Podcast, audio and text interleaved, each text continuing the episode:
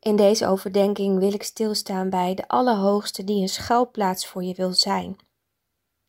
Je kent misschien de woorden wel uit Psalm 91, vers 1 en 2. Wie in de schuilplaats van de Allerhoogste is gezeten, zal overnachten in de schaduw van de Almachtige. Ik zeg tegen de Heere, mijn toevlucht en mijn burcht, mijn God, op wie ik vertrouw. Ik vind het zo'n heerlijke psalm, broers en zussen. Psalm 91, 91 ademt een en al vertrouwen uit. Dit lied opent met een belofte en gevolgd door een beleidenis. De dichter van deze psalm vertelt dat God hem in alle gevaren zal bewaren. Dat is wat de Heer belooft. Dat is wat hij beleidt. Geweldig als je zo van God mag getuigen naar de mensen om je heen. Zo getuigenis over je vader en over je vertrouwen kan anderen aan het denken zetten. Ervaar je ook dat God jouw schuilplaats is. De Heere is een God bij wie je mag schuilen. Hij geeft je veiligheid en vastigheid.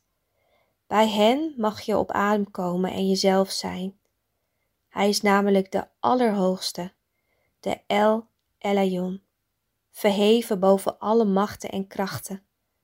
Hij is ook de Almachtige, de El Shaddai, groter en sterker dan je ooit kunt beseffen. Broers, zussen, nergens ben je veiliger dan in zijn schuilplaats.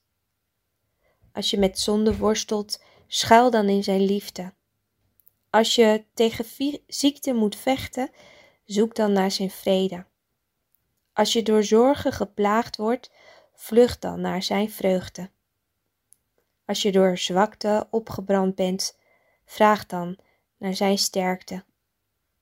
Door Jezus Christus is God een Vader die al zijn kinderen wil beschermen onder zijn vleugels. Jij mag vandaag bij Hem schuilen. En verder, deze belofte gaat over zitten en slapen. Als je in Gods schuilplaats een plek zoekt, mag je daar ook overnachten. Zijn schaduw valt beschermend over je heen. Als je wakker bent en als je slaapt. En zo ademt deze belofte rust. Maar schuilen bij God vraagt wel om een stap.